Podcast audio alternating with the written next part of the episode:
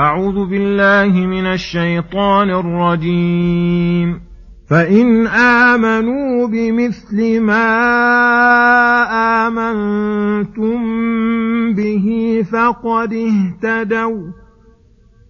وإن تولوا فإنما هم في شقاق فسيكفيكهم الله. وهو السميع العليم. صبغه الله ومن احسن من الله صبغه ونحن له عابدون. قل اتحاجوننا في الله وهو ربنا وربكم ولنا اعمالنا ولكم اعمالكم ونحن له مخلصون أم تقولون إن إبراهيم وإسماعيل وإسحاق ويعقوب والأسباط كانوا هودا أو نصارا قل أأنتم أعلم أم الله ومن اظلم ممن كتم شهادة عنده من الله وما الله بغافل عما تعملون. تلك أمة قد خلت لها ما كسبت ولكم ما كسبتم. ولا تسألون عما كانوا يعملون. بسم الله الرحمن الرحيم. السلام عليكم ورحمة الله وبركاته. يقول الله سبحانه فإن آمنوا بمثل ما آمنتم به فقد اهتدوا. الآيات أي فإن آمن أهل الكتاب بمثل ما آمنتم به. يا معشر المؤمنين من جميع الرسل وجميع الكتب الذين أول من دخل فيهم وأولى خاتمهم وأفضلهم محمد صلى الله عليه وسلم والقرآن وأسلموا لله وحده ولم يفرقوا بين أحد من الرسل فقد اهتدوا للصراط المستقيم الموصل لجنات النعيم أي فلا سبيل لهم إلى الهداية إلا بهذا الإيمان ولا كما زعموا بقولهم كونوا هودا أو نصارى تهتدوا فزعموا أن الهداية خاصة بما كانوا عليه والهدى هو العلم بالحق والعمل به وضده الضلال عن العلم والضلال عن العمل بعد العلم وهو الشقاق الذي كانوا عليه لما تولوا وأعرضوا. فالمشاق هو الذي يكون في شق والله ورسوله في شق ويلزم من مشاقة المحادة والعداوة البليغة التي من لوازمها بذل ما يقدرون عليه من أذية الرسول صلى الله عليه وسلم. فلهذا وعد الله رسوله أن يكفيه إياهم لأنه السميع لجميع الأصوات باختلاف اللغات على تفنن الحاجات العليم بما بين أيديهم وما خلفهم بالغيب والشهادة بالظواهر والبواطن. إذا كان كذلك كفاك الله شرهم. وقد أنجز الله لرسوله وعده وسلطه عليهم حتى قتل بعضهم وسبى بعضهم وأجلى بعضهم وشردهم كل مشرد ففيه معجزة من معجزات القرآن وهو الإخبار بالشيء قبل وقوعه فوقع طبق ما أخبر ثم قال تعالى صبغة الله ومن أحسن من الله صبغة ونحن له عابدون أي الزموا صبغة الله وهو دينه فقوموا به قياما تاما بجميع أعماله الظاهرة والباطنة وجميع عقائده في جميع الأوقات حتى يكون لكم صبغة وصفة من صفاتكم. فإذا كان صفة من صفاتكم أوجب ذلك لكم الانقياد لأوامره طوعا واختيارا ومحبة وصار الدين طبيعة لكم بمنزلة الصبغ التام الثوب الذي صار له صفة فحصلت لكم السعادة الدنيوية والأخروية. بحث الدين على مكارم الأخلاق ومحاسن الأعمال ومعالي الأمور. فلهذا قال على سبيل التعجب, على سبيل التعجب المتقرر للعقول الزكية ومن أحسن من الله صبغة أي لا أحسن صبغة من صبغته. وإذا أردت أن تعرف نموذجا يبين لك الفرق بين صبغة الله وبين غيرها من الصبغ فقس الشيء بضده. فكيف ترى في عبد آمن بربه إيمانا صحيحا؟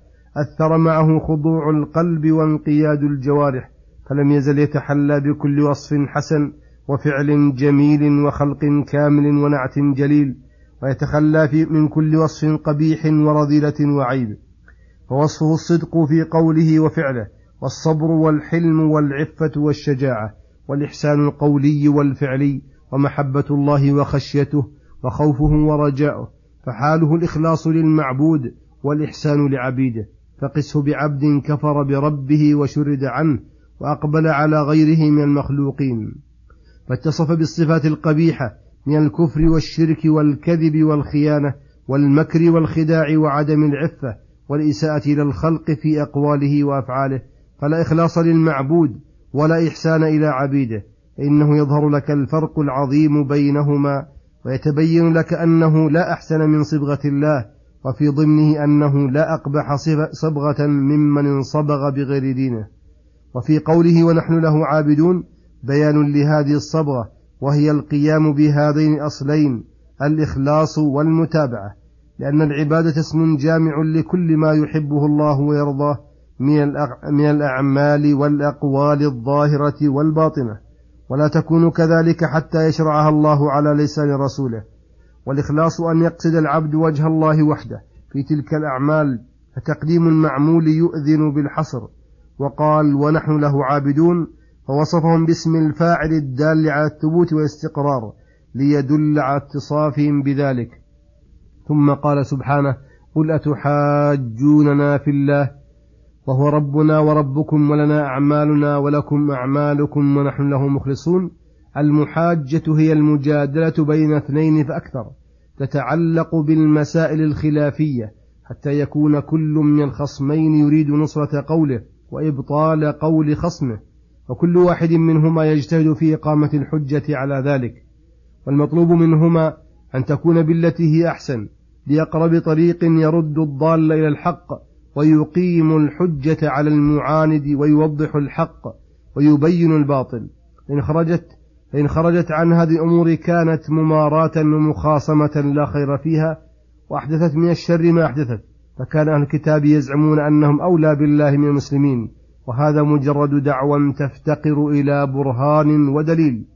فإذا كان رب الجميع واحدا ليس ربا لكم دوننا وكل منا ومنكم له عمله فاستوينا نحن وأنتم بذلك. فهذا لا يجب أن يكون أحد الفريقين أولى بالله من غيره. لأن التفريق مع الاشتراك في الشيء من غير فرق مؤثر دعوى باطلة وتفريق بين متماثلين ومكابرة ظاهرة وإنما يحصل التفضيل بإخلاص الأعمال الصالحة لله وحده.